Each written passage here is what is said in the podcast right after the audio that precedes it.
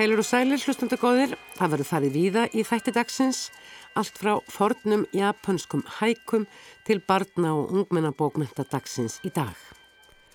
Undir lokþáttar fleitur Halla Þórlaug Óskarstóttir fyrstu barna og ungmennabókmentaríni sína og hefur valið að fjalla um íslenska þýðingu á bók sem skrifið er af íslenskum höfundi á ennsku. Þetta er skáltsagan Ég er svikari eftir Sif Sigmarsdóttur. Eftir 20 mínútur eða þarum beil hugum við svo að auðfúsigesti. Ekki aðeins er hér um auðfúsugesti formi bókar að ræða, heldur heitir bókin beinlinis auðfúsugestir. Hækur. Það er Birgir Svan Simónasson ljóðskáld sem heldur utanum þessa litlu bók sem hefur að geima margvíslegan fráðleik um þetta forna japanska ljóðform sem og þýðingar Birgis á hækum ímissahöfunda frá ymsum tímum. Við byrjum hins vegar á því að kalla á okkar fund þann sem núna fyrir réttum tveimur tímum tók við hinnum íslensku þýðingavellunum að gljúrasteini.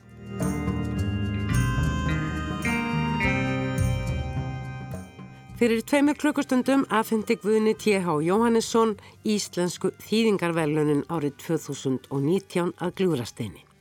Í domnemnd sátu að þessu sinni Ástís R. Magnúsdóttir, professor í franskum bókmentum, formaður nefndarinnar, Steinþór Stengrimsson, íslensku fræðingur og verkefnistjóri á ornastofnun og Elisabeth Gunnarsdóttir, þýðandi og handhafi íslensku þýðingavellunana árið 2018.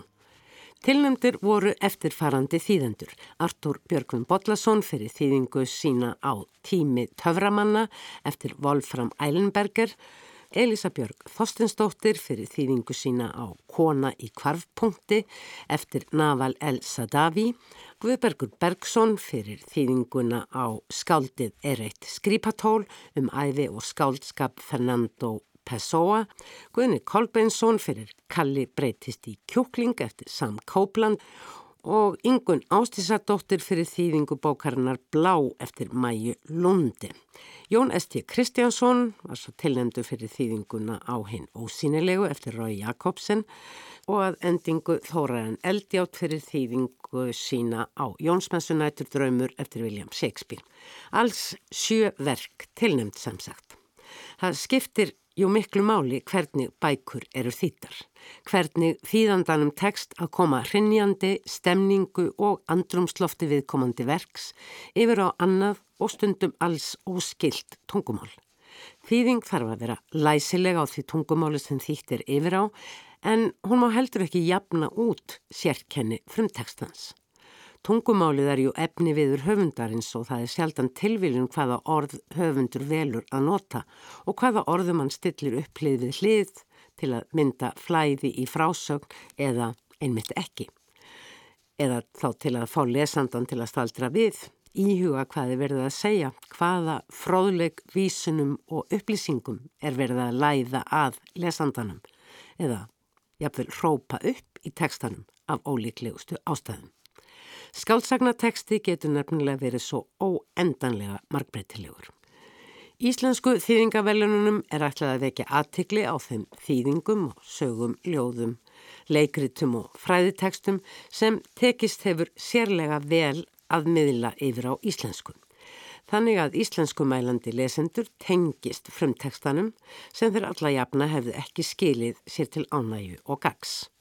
Að þessu sinni hlaut íslensku þýðingavelunin Jón S.T. Kristjánsson fyrir þýðingu sína á norsku skáldsögunni Hinn ósýnilegu eftir Rói Jakobsen.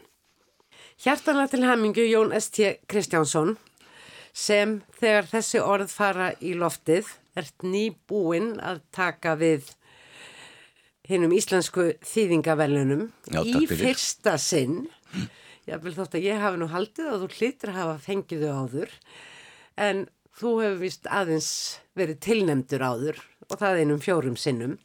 Já. Þú færð veluninn fyrir splunkun í skáldsögu til þess að gera komið í núriði 2013 hinn ósýnilegu eftir norska velunahöfundin held ég að sjá þetta að segja Rói Jakobsen.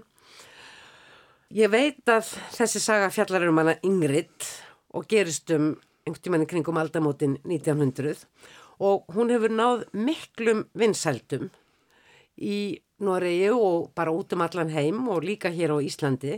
Þykir afspyrnu vel skrifuð. Ég hef ekki lesið hana. Hvað er það í þessari sögu Jón Estér sem að gera verkum að hún hefur náð svona mikill hilli heldur þau Ég held að það sé nú bara hversu manneskuleg hún er og náttúrulega skrifin að, eh, personurnar þarna eru eh, þeim er líst í afskaplega fáum dráttum en mjög lifandi og, og greinargóðum og, og manni fer að, að þykja væntum þetta fólk og manni finnst þetta fólk vera, vera lifandi. Maður trúir því að þetta sé alvöru fólk mm.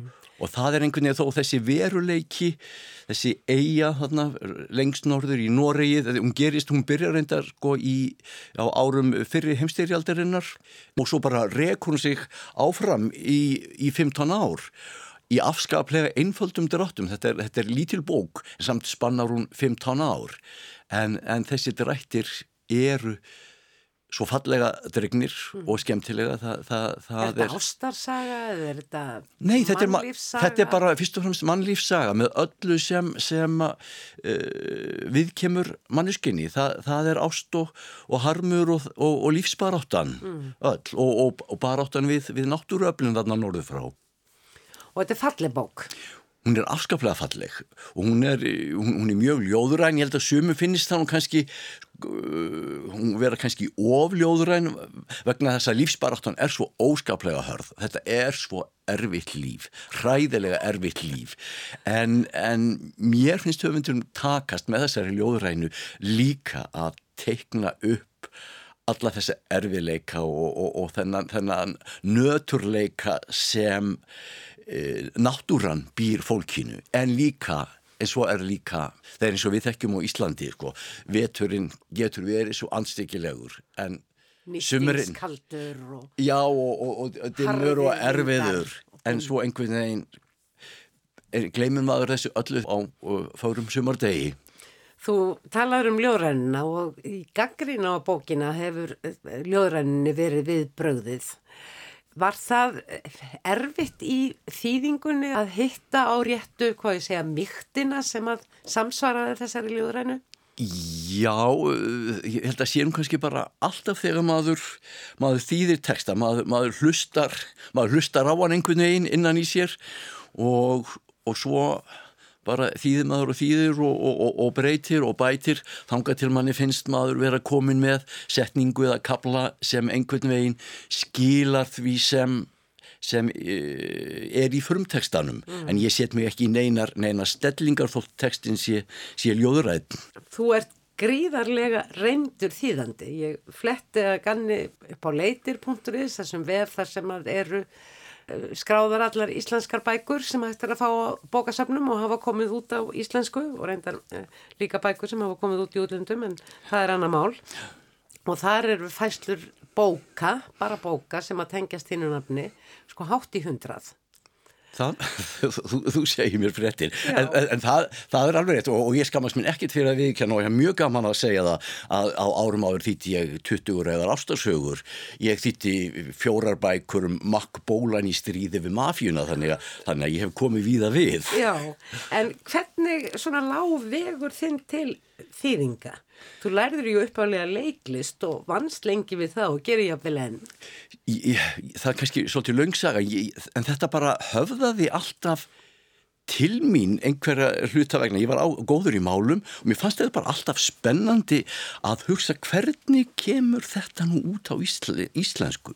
Ég var byrjaði bara kringum 25 ára aldur en að hamra á mína gömlu skólarittfél að, að, að, að þýða, þýða sögur. Ég á í handrið til dæmis eh, hérna, þýðingu að svona novelu sem heitir á ennsku Piper at the Gates of Dawn. Eh, Pink Floyd aðdáðundur vita að hérna, þetta er fyrsta platta Pink Floyd en hún heitir eftir þessari þessari litlu novelu sem ég þýtti einhvern mann fyrir, fyrir bráðum 40 árum síðan á skólaritvélina mína. Og hefur hún aldrei komið út? Hún hefur aldrei komið út, nei, nei. Þú þarf nú að komin í tímarið Já, já, við sjáum til með það mm. En eins og þú segir, þú hefur þýtt rauðar ástasögur, þú hefur þýtt teknimyndasögur, glæpasögur, dramatískar skáldsögur, sögulega skáldsögur, gamlar sögur og nýjar eftir sprellifandi höfund og steindauða. Já, já. Og uh, hefur þau einhver tíman verið í teng sambandi við höfundin eða ert þú bara einn með verki höfundarins? Um, yfirleitt er ég nú bara, er ég bara einn. Ég hittir enda Rói Jakobsen á bókmyndaháttíð núna í, í fyrra vor sem var mjög skemmtilegt. Og ég þýtti, 2014 þýtti ég bókina Náðarstund eftir Hönnu Kent. Þá reyndi ég komast í samband við hana. Sennilega hef ég stranda á umbóðsmannanar einhver staðar í, í, í útlandum hins vegar, hins vegar hitt ég hana þegar hún kom hingað í tilöfni eh, af útgáfu bókarinnar. Og það var mjög uh, gaman uh, Hvernig er þetta starf þýðandans til dæmis verkefni? Koma þau bara á færibandi svona alla jafna? Aldils ekki á færibandi. Það hafa verið hallæri í, í þessum bransa. Þannig að, að það er, er nú uppbóðan en, en ég er búin að vera í, í góðum gangi núna, ég er búin að vera með ímis, ímis verkefni að, því að barnabækur fyrir angústúru og nú og svo náttúrulega er þessi bók, hinn ósýnilegu, er fyrsta bók af þrennu. Og uh, ég kláraði þýðingu á bók nr. 2 fyrir jól. Og hún á að koma út núna í februar þannig að mikið líklegt að hún komi bara út í næstu viku eða, eða þar næstu. og þá er á vísan að róa fyrir þig að, að þýða þriðjubókina Já það er aldrei á, á vísan að róa. Það er, er forleggerans að, að ákveða það. En, en mér finnst nú að e, fyrst, tvær fyrstu bækunar eru komnar. Þá, þá þurfið svo þriði að koma. Svo fyrsta stendur kannski ein og sér en mér finnst nú eiginlega að nummer tvö og þrjú hangi meira saman. Þú hefur svolítið þýtt eftir sama höfund, þú þýttir með Bleed Child já, já. Og, eh, og eins var ekki allir. Jussi Allir Rólsen, jú. Og þá þý, hefur þýtt nokkrar bækur. Já. Er það öðruvísi vinna þegar að... Um, sumpart er það svo lítið gott, já, því að maður, maður læri svo lítið vel inn á stíl uh, höfundarins. Báður þessir, þetta eru reyfar og höfundar, þeir eru skrifa mjög ólíkan, ólíkan stíl. Mm og, og kannski hérna Lee Child sérstaklega, maður, maður sér það þarna er maður sem að, er sko, er, hann er í rauninni bretti og hérna þótt hann skrifi um amerískar hetjur og þetta er greinilega maður sem að, sko, er alin upp á, á Shakespeare og, og, og uh, góðum breskum prósa. Mm. og mjög knappur teksti og oft, oft erfiður. En það, það er uh, maður kemst í vissi æfingum og núna eftir að hafa þýtt þarna uh, bók 2 uh, uh, sem heitir Kvitt haf eftir Rói Jakobsen, eftir Jakobsen hún, hún var auðveldari ég, ég var lengur að ná tökum á þessari mm. ljóðurænu þessum, þessum stíl að búa til þannan heim ég var nú fljóttari í, í mm. senna skiptið Áttu þér einhverja svona uppáhaldsbækur úr þessari flóru þinni, svona sem þér hefur þótt alveg sérlega væntum af einhverjum orsökum? Ég held að ég bara verði að segja strax... Jú, jú, jú, ég ætla bara að gera upp á milli barnana minna. Mér þykir vænst um Gulliver. Ég, ég, ég gekk svo lengi með hann, ég byrjaði á hann út í Breitlandi, nákvæmlega talið um páskana 88 Þegar þú varst enn í leiklistanum? Þegar ég var enn, enn í leiklistanum, bara eins og ég segi sko, hérna, bara því að mér fannst þetta spennandi, var eiginlega nýlega búin að uppgötta þetta sem fullorðinsbók, las þetta sem barnabók í, í æsku, mm.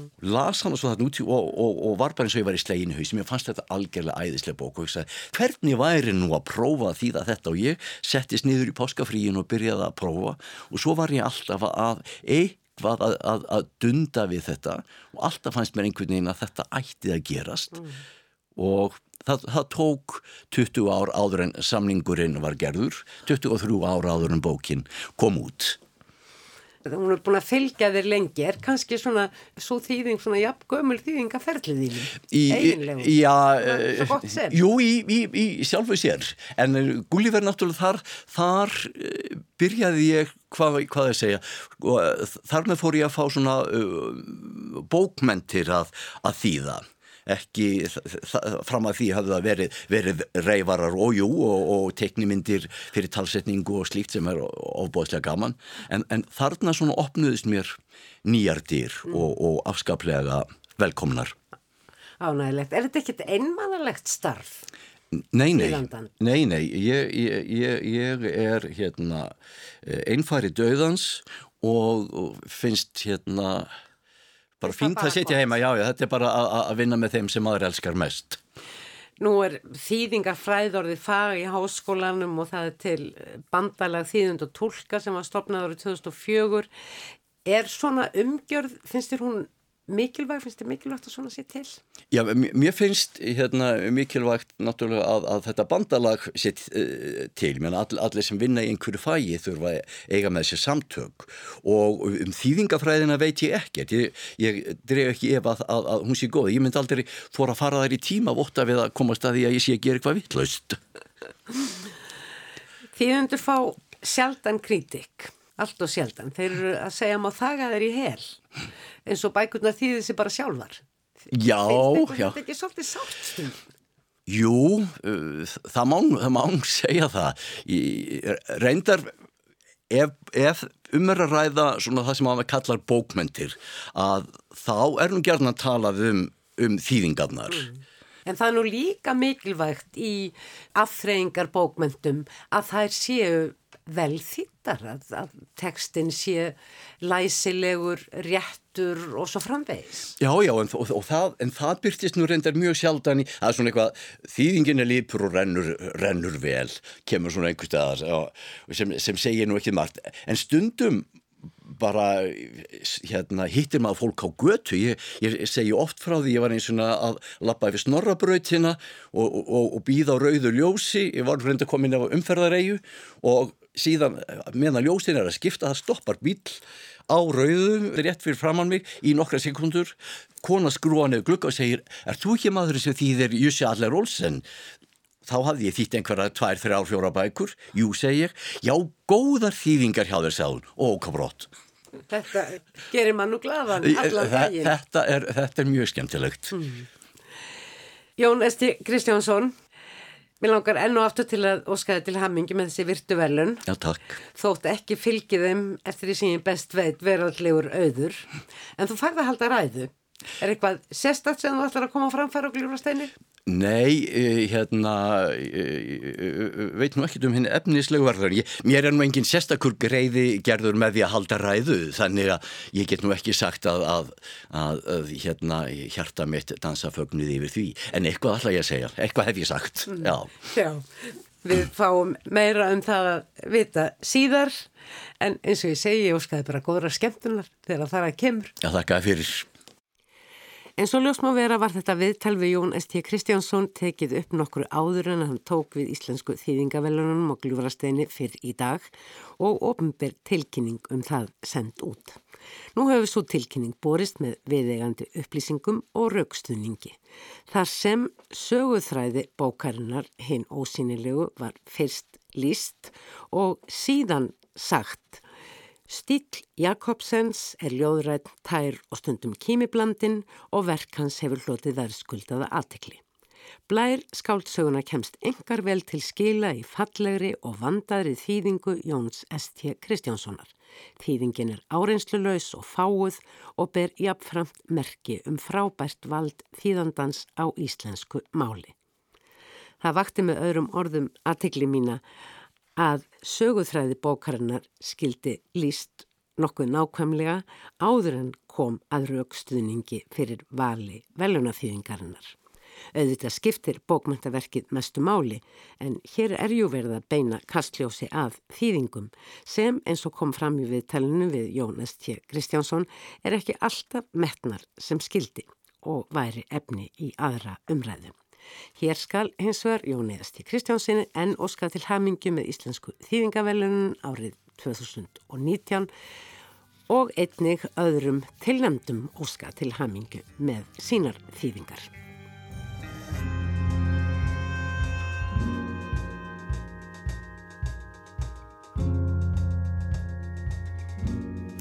Hækur þekkja allir og vita að þetta ljóðform rekur uppbrunna sinn til Japan. Færri vita kannski að hækur voru á sínum tíma á 17. öld að segja má uppreist japanskra ljóðskalda gegn afar ströngu formi svo kallara renga sem á 16. öld voru vist vinsæl samvinnuverkefni fleiri en eins höfundar. Hreinlega partískemtun eins og Birgisvann Simónasson lýsir hér á eftir. Erendum sem skáldin ordu á þessum samkomum var nefnilega skellt saman í mikinn bálk sem kollu var renga og gætt innihaldið allt upp í hundrað erendi. Það mun hafa þótt við hæfi að gæta nokkus virðuleika í rengaljóðum. En svo ljóskaldi Pétur Hafstein Lárusson orðar það í grein sem ég veit ekki lengur hvar ég fann. En þar segir Pétur ennfremur Á 17. öld leistu hækur rengaljóð af holmi. Atkvæða og línufjöldi í hækum er sá sami og í rengu erundum. Aftur á móti var munurinn sá á rengaskáldskap og hækum að á meðan rengaskáldin sveipuðu sig hátimbruðum alvarleika, gáfu hækuskáldin sig gladverð og kými á vald. Jafnvel með nokkuð svo óhefluðum hætti. Í fyllingu tímans hafa hækur tekið á sig fáaðra yfirbræð og að því leiti svarið sig í ættina. Tilvittnun í Pétur Hafstinn Lárusson líkur. Um hækur hefur mikið og margt verið skrifað í blöð og tímaritt á Íslandi og allmörg íslensk skáld hafa reynd sig við þetta knappa þryggja línu form með sínu oft svo leindardómsfulla innihaldi.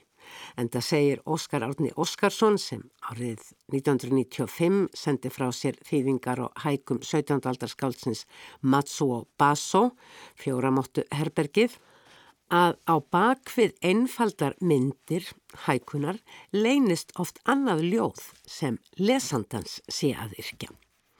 Þetta sagði Óskar Árni í viðtali við Jóhann Hjalmarsson árið 2002. Helgi Hálfdánasson, hinn mikil virki þýðandi, sendi á síðustu öld frá sér all margar bækur með þýðingum á japanskum hækum sem Íslands skáld hafa, eins og áður sagði, einnig bröðið fyrir sig. Má þar til að mynda nefna Jónur Vör. Síðasta ljóðabókin sem ég man eftir með íslenskum hækum er Hæg breytileg átt, fyrsta ljóðabók Guðmundar Andra Torssonar sem byggði bókina upp í þeim anda hækuskáldskapar sem gerðnan tengist ringgrás árstíðana. Hér nokkur dæmi. Bursta tennurnar, andlitið í speklinum, alltaf 12 ára. Lít út um gluggan, nú andar söðrið sæla, en þó ekki hér. Svo er hérna líka, hérna, uh, ég sé bara sömu opnu, það er hérna Altanesið aftur og uh, það er svona vísað í sagnir um nekra, þetta er svona þjóð, þjóðsögulega hækka. Sumar nótt og hann stendur steingrár við skótjörn ofinn úr þóku. Hvar eru fugglar og snjórin frá í fyrra, hvað var það um hann? Á blæju breyðri fljúa hvítu fyririldin, setjast og brána.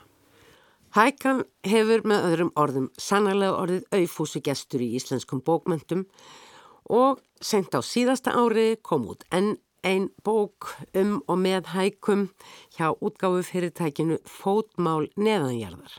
Bók sem eins og áður sagði ber titilinn Auðfúsu gestir hækur og hefur að geima þýðingar Birgis Svans Simónassonar að rómlega 60 hækum, flestum eftir höfunda sem uppi voru á 17. og 18. öld en einnig má í bókinni finna hækur eftir höfunda sem fættust á fyrirluta hinnar 20. Að þessu tilirni fór ég á fund Birgis Svan í Hafnarfyrði en eins og margir vita þá hefur Birgir sendt frá sér fjölmarkar ljóðabækur í gegnum tíðina og sjálfur meira að segja orrt hækur eins og við komum að síðar því fyrst ætlum við að ræða svo litið um bókina Auðfúsu gestir hækur. Sagt, ég kynntist þessu þannig að, að vinkona mín einn, hún kom frá London, hafði farið þar í British Museum og kipt þessa fallegu bók sem er nú svipuð og, og þessi og ég hérna fann, fann að ég var alltaf að snúa aftur og aftur til þessara bókar. Og uh, svo náttúrulega setna þá, þá vissi ég hvers vegna.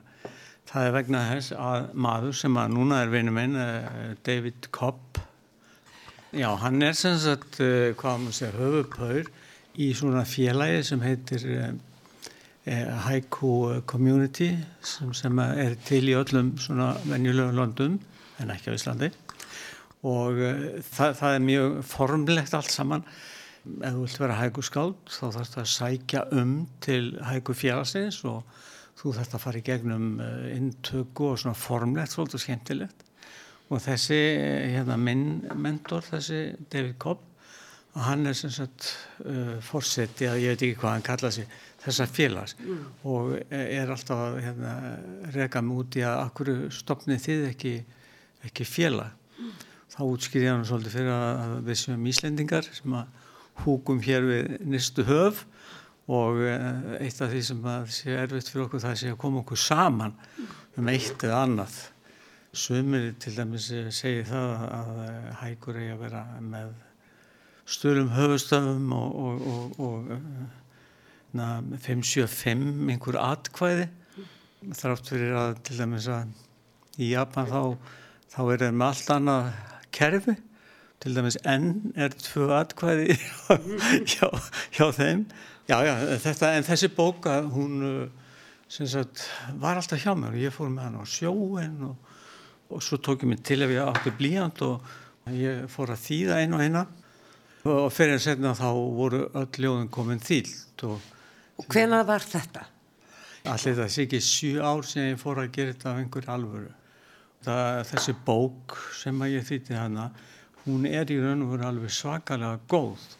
British Museum Haikus loksins svona er bók sem getur skorið úr um það hvernig, hva, hvað og hvernig hæka mm. má og á að vera og uh, hún á bara næstu því að vera eins og þú vilt hafa hana en fyrst og fremst á hann að vera góð og uh, þess, þessi tegund af, af, hérna, af skálskap að hún hefur í sér falið svona einhver mikil gæði sem að maður átt að segja svona smám saman á.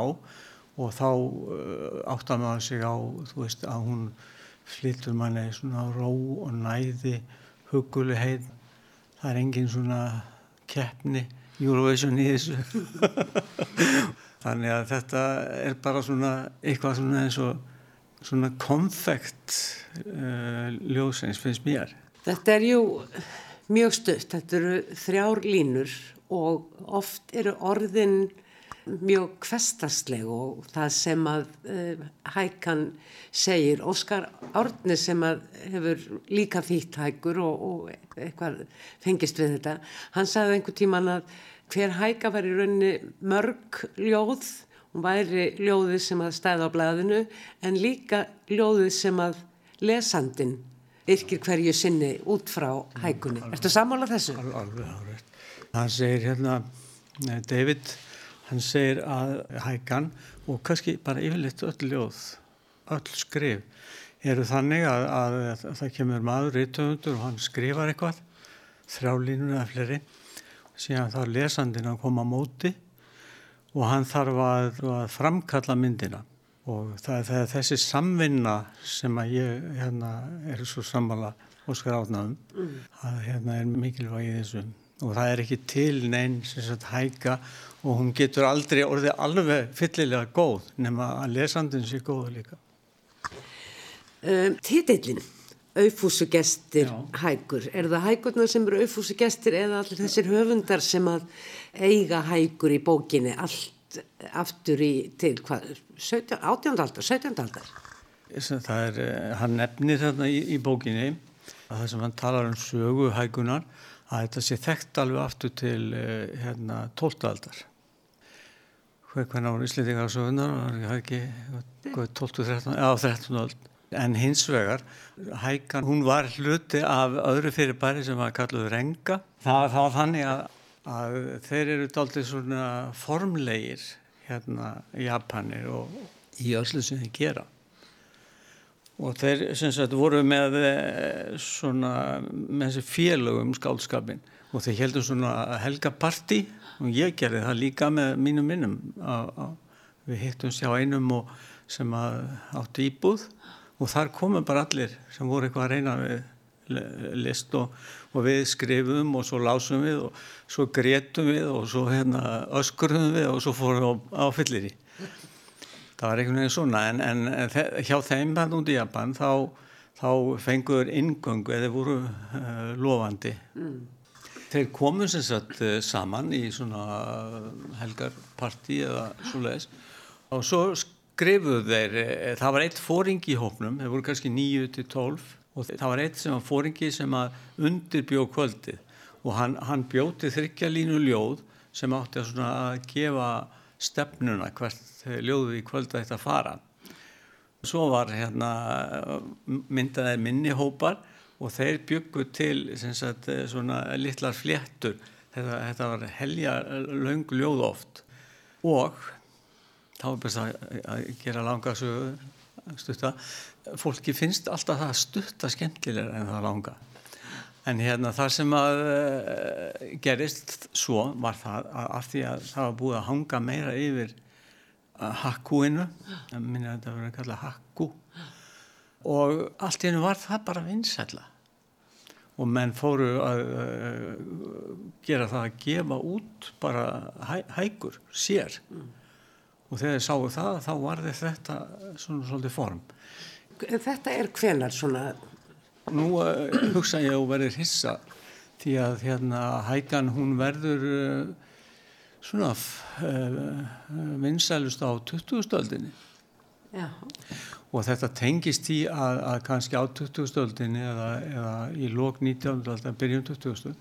þá var í gangi svona í heiminum. Það er að segja öll ljóðlistin var einhvern veginn að, að verða svona svolítið stittir og knappari og, mm. og miklu skemmtilega og bandargemenn fóru framalega mm. þannig að anstæðingarnir úr styrjöldinni þeir, þeir heldu þarna unnu saman hver getur verið hérna anstíkilegur og leiðilegur ef hann er hérna líka hæguskáld það er bara ekki mm. hægt Þessi bók þetta er ekkert löngbók hún er ekki þykk þetta, Já Þannig eru greinar um þessa sögu hægunar sem að þú hefur þýtt sem að David Kopp eh, skrifar mm. og síðan eru þarna eitthvað rúmlega uh, 60 hægur uh, frá uh, svo elsta frá 17. öld og svo, það, er yngstu frá svona upphafi 20. aldar. Þú þýður úr ennsku. Já, sko. sko hann, seg, hann, hann þýðir þetta, hann David. Hann talar reypirinnandi og góða japansku sko þetta eru 60 rúmar hækur hann á, á hjartað í þessu. Og svo annar kall þeir eru tveir sem eiga hjartað svo eru bara fullt af fólki sem á einu og eina. En þetta, þetta tókst vel uh, fannst mér. Þetta er bæði á japansku þetta er á ennsku og íslensku og, bæði á japansku tákmáli og með letnisku litur það var smíðu heil, heil vel til þess að búa til. Þetta er svo erfitt að gera þetta skur, skurðskriftina. Eða tákskriftina þannig að þetta er alveg svakalega hérna, mikil, mikilvæg bók. Hann langaði til hann David að sína eh, hvernig hægur sko, til dæmis eins og Óskar Átni hann er bara með eh, höfujarlinn hérna hann eh, Barsó í ljóðabóksinni Fjóramóta Hörbergið. Já, þá var hann bara með einn ein höfund.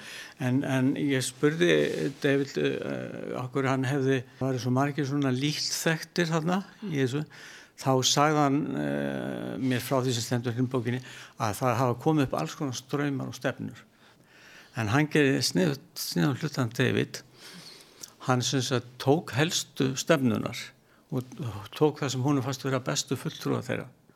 Það eru sem sagt eh, svo margar tegundir og honum fannst eh, miklu skemmtilegra fyrst að hann var að grubla í þessu sem hann tók vist einhvern áratög þá fannst honum miklu betra að sína víðari breytt heldur mm. en að en hitt er alveg mikilvægt. Frábært að fá fjóra mátu herbyggið en hann kemur sem sagt með hérna uh, fleiri ströyma og vitimenn hann kemur með konu og það unga konu sem er lifandi sem er hann inn á milli.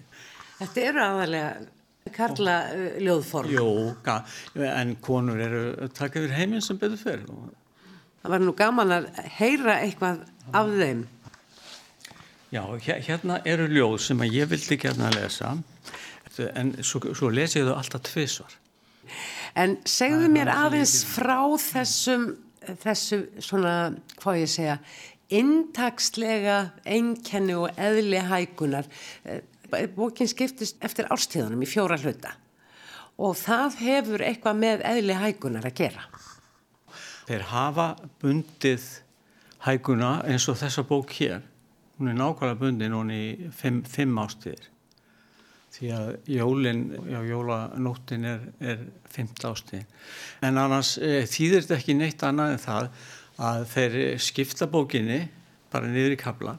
Það er vor, sumar, haust og vettur. En, en þú getur rétt ímynda, við yrkjum bara um það sem að hjartað bóðar okkur að gera. Látum okkur heyra fáeinar hækur. Mér langar að lesa hérna eftir Issa sem er eiginlega einn af þremur frægustu hérna hæku höfundunum. Mm. og mér finnst þetta að sína svolítið hvað hækan getur gert.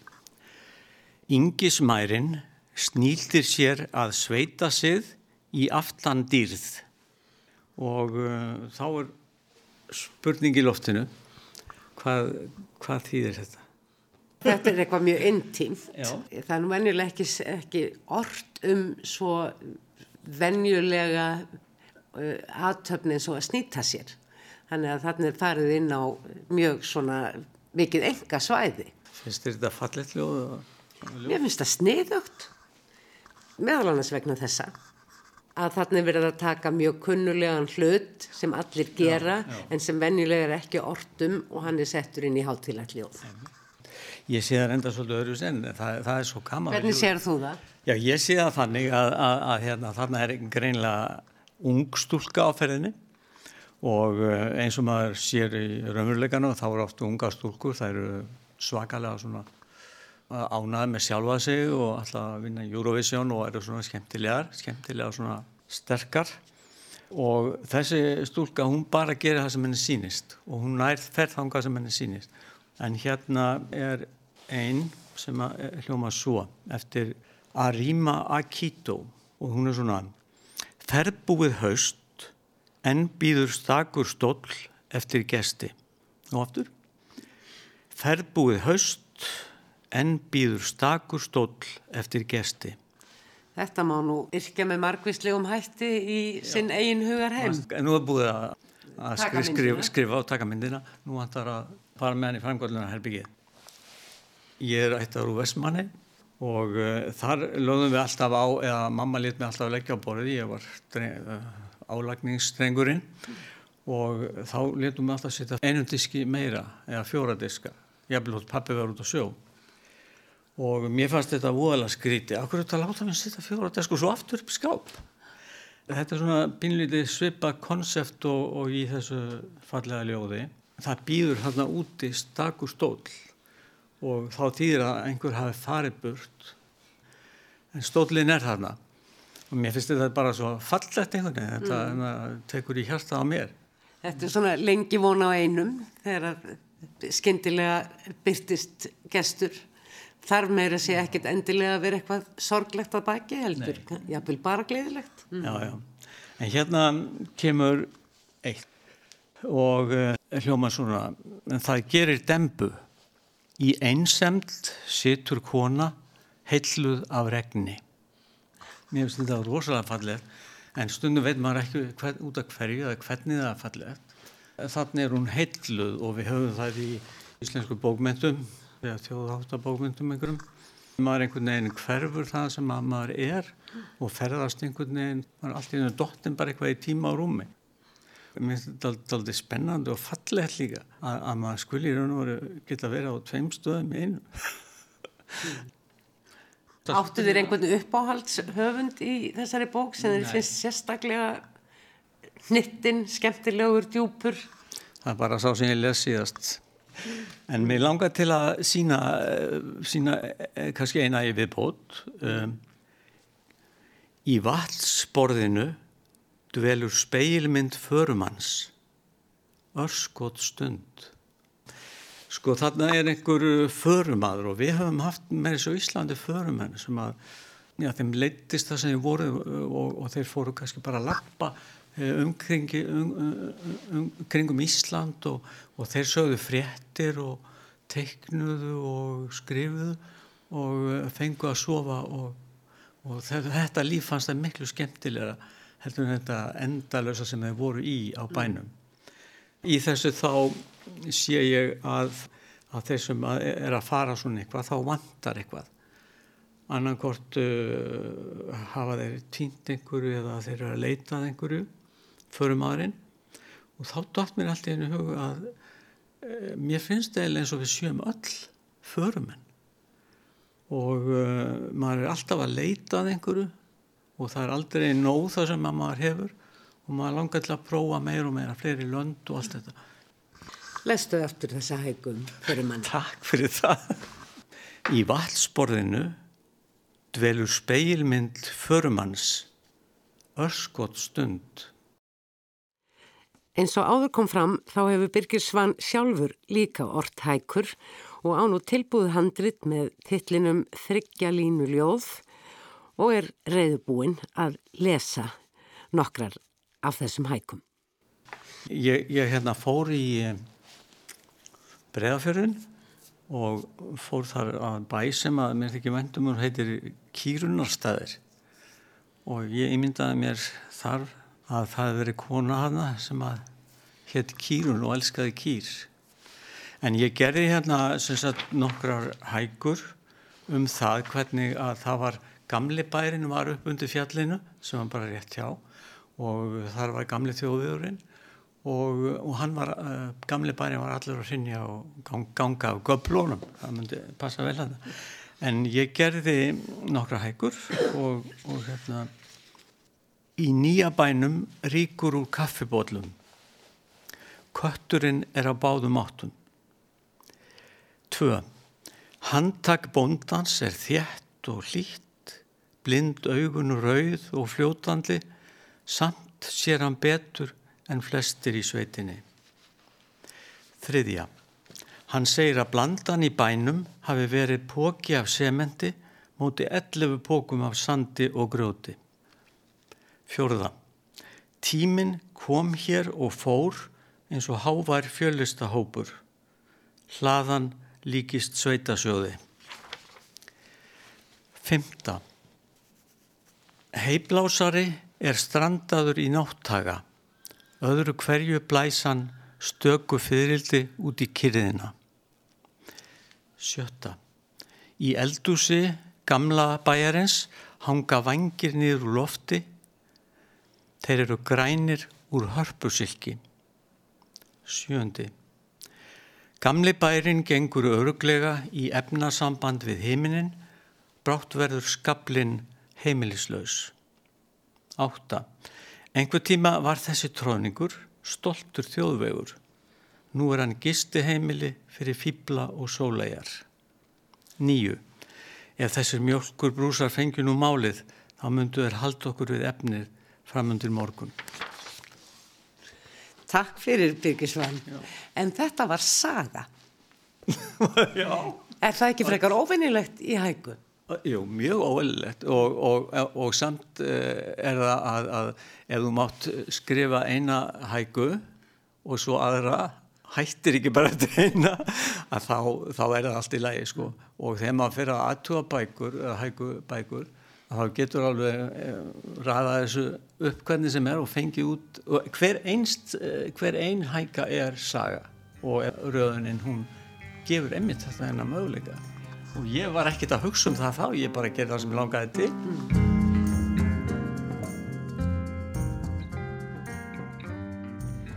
Bókin Ég er svikari eftir Sif Sigmarsdóttur kom út árið 2017 en þá á ennsku undir titlinum I am traitor. Þýðing Höllu Sveristóttur er stórfín og ekki nema örsjaldan sem einhverjir smávægilegir nögrar koma í ljós sem afhjúpa þá staðarind að tekstin er ekki á frummálinu. Jáfnvel helst undarlegt að lesa bók eftir Íslanding þar sem allar personurnar heita erlendum nöfnum, en það eru þetta alvanalegt í þýðingum. Höfundurinn, Sif Seymarsdóttir, er hlustendum eflust velkunn fyrir pisla sína í fréttablaðinu en hún haslar sér sem sagt völl á ennskumælandi bókamarkaði um þessar myndir. Nú síðast með bókinni The Sharp Edge of a Snowflake sem kom út í fyrra en þar leggur aðalpersonan raunar leið sína til Íslands. Bækur hennar hafa hlotið afbræðstóma Erlendis og ánægilegt að þær skilir sér líka heim í íslenskri þýðingu. Ég hugsaði reglulega til bókarinnar Múrin eftir sama höfund sem kom út árið 2013. Á þeim tíma voru íslenskar fantasýr í uppgangi og bókin var ferst og spennandi innlegg í íslenska ungmennabókaflóru sem kannski var ekki svo fjölbreytt þá. Ég man að hann komir skemmtilega og óvart. Ég hafði ekki kynnt mér höfundin, Seif Seymarsdóttur, og fannst fléttan og uppbyggingin verulega vel hefnið. Ungmennabókum hefur undanfarið vaksið fiskurum hrygg í íslenskum bókmentaheimi og kannski verstrænum bókmentaheimi öllum. Það er gleðiefni, fleiri vandaður og spennandi bækur sem höfða gerðnan til stærri lesendahóps en hins formlega markhóps. Múrin var fyrir bókinni fantasíu tvíleiknum Freyjusaga, hörku spennandi dystópískri sögu þar sem Freyja fór með aðalutverkið. Þetta var þó ekki frumrun Sivjar í unglingabókaheiminum því áður hafði hún gefið út tvær bækur um emblu Þorvarðardóttur.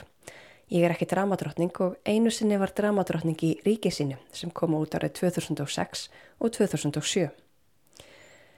Þessar bækur sem ég hef nú nefnt eftir Sif Seymarsdóttur eru ólíkar en eiga það sameigilegt að aðalpersonan er unglingstelpa.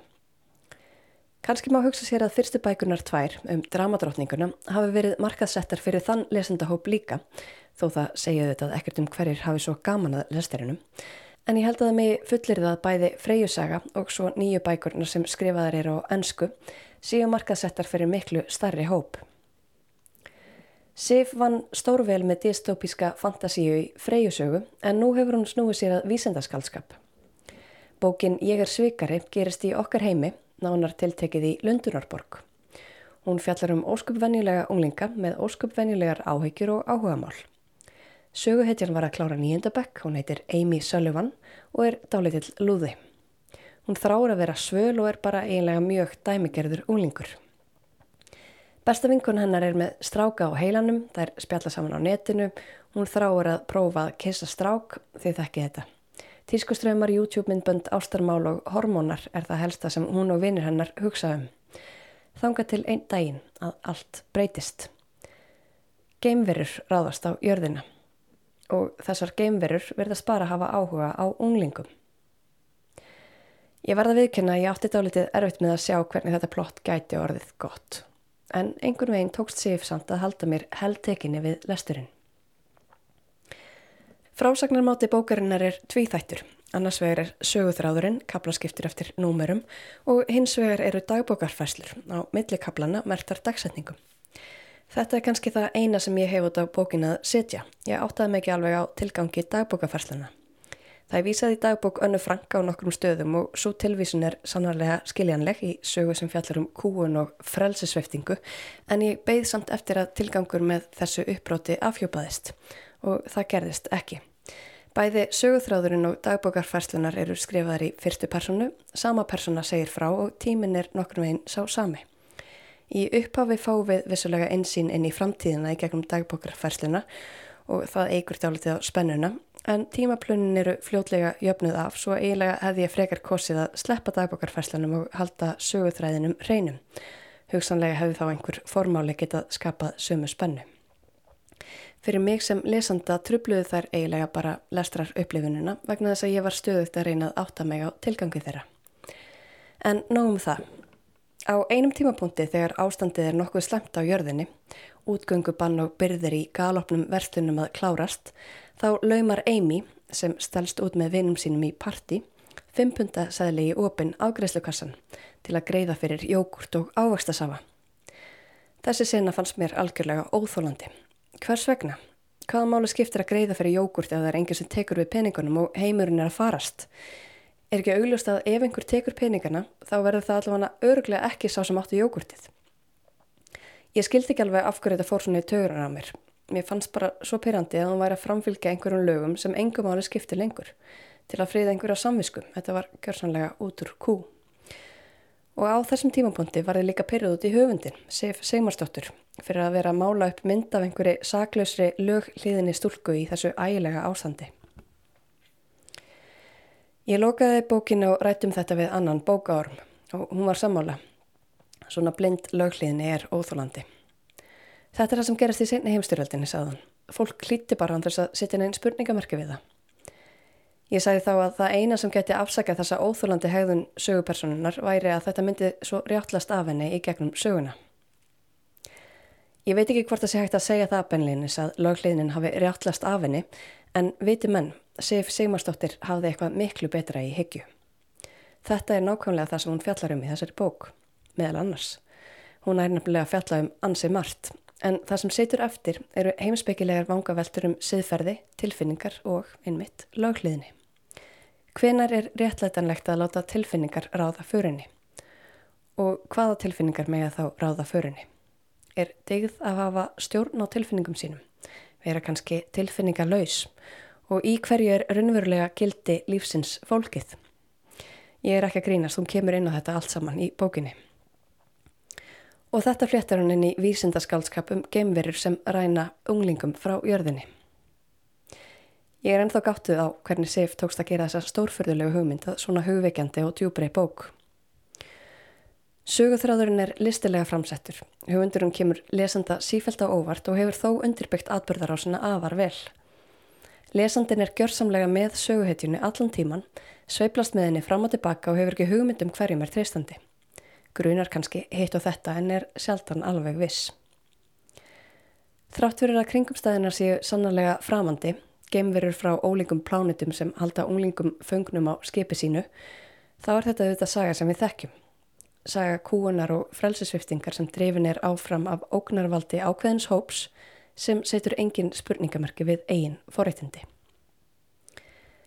Þetta er saga sem er mikilvægt að rifja upp og minna okkur á að hún endur tekur sig. Jafnvel þó að í þessu tilfelli sé óvinnurinn hópur gemverra og verðist þar með ótrúlegur við fyrstu sín, þá undirstreykar Sif framandgerfinguna sem á sér staði sögurskoðuninni með einmitt því. Gemverurnar eru ekkert svo ólíkar okkur mönnunum og gemverurnar hafa sín viðmið og gildi rétt eins og mennirnir. Þær fylgja sínum lögum sem byggja á þeirra siðferði nákvæmlega eins og við. Þetta minnir okkur ennfyrmar á mikilvægi þess að endurskoða lög í samræmi við þróun samfélagsins. En það sem þessi saga vakti mig líka til umvöksunar um er læsi. Á okkar tímum má leiklega halda því fram að falsfrettir séu fyrirferða meiri á neitmiðlum en sannleikurinn. Á sama tíma má velta fyrir sér í hverju sannleikurinn er fólkinn. Allt snýst þetta um sjónarhorn. Frettir eru falsfrettir ef þeir eru lígi en svo má líka setja spurningamerki við frettir þar sem aðeins hálf sagan er sögð.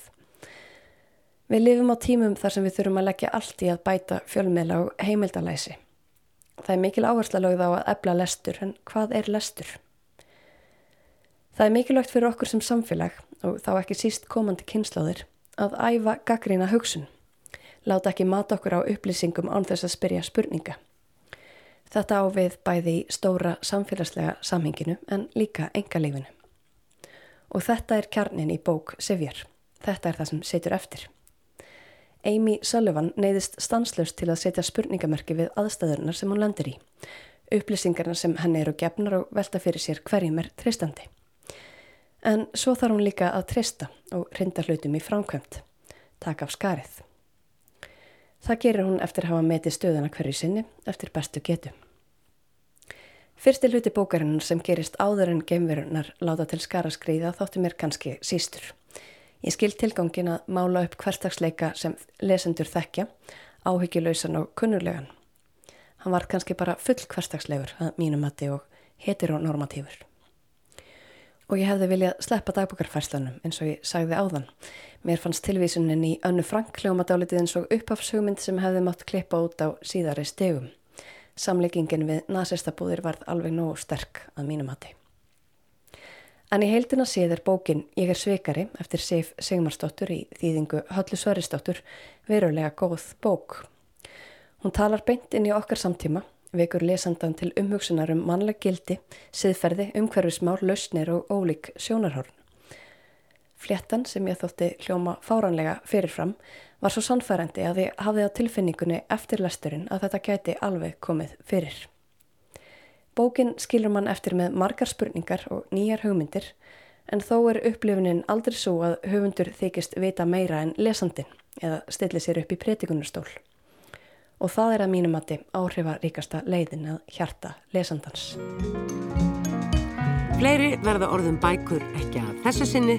Teknimenn voru Mark Eldred og Úlfildur Eistinsdóttir. Takk fyrir að hlusta. Verði sæl.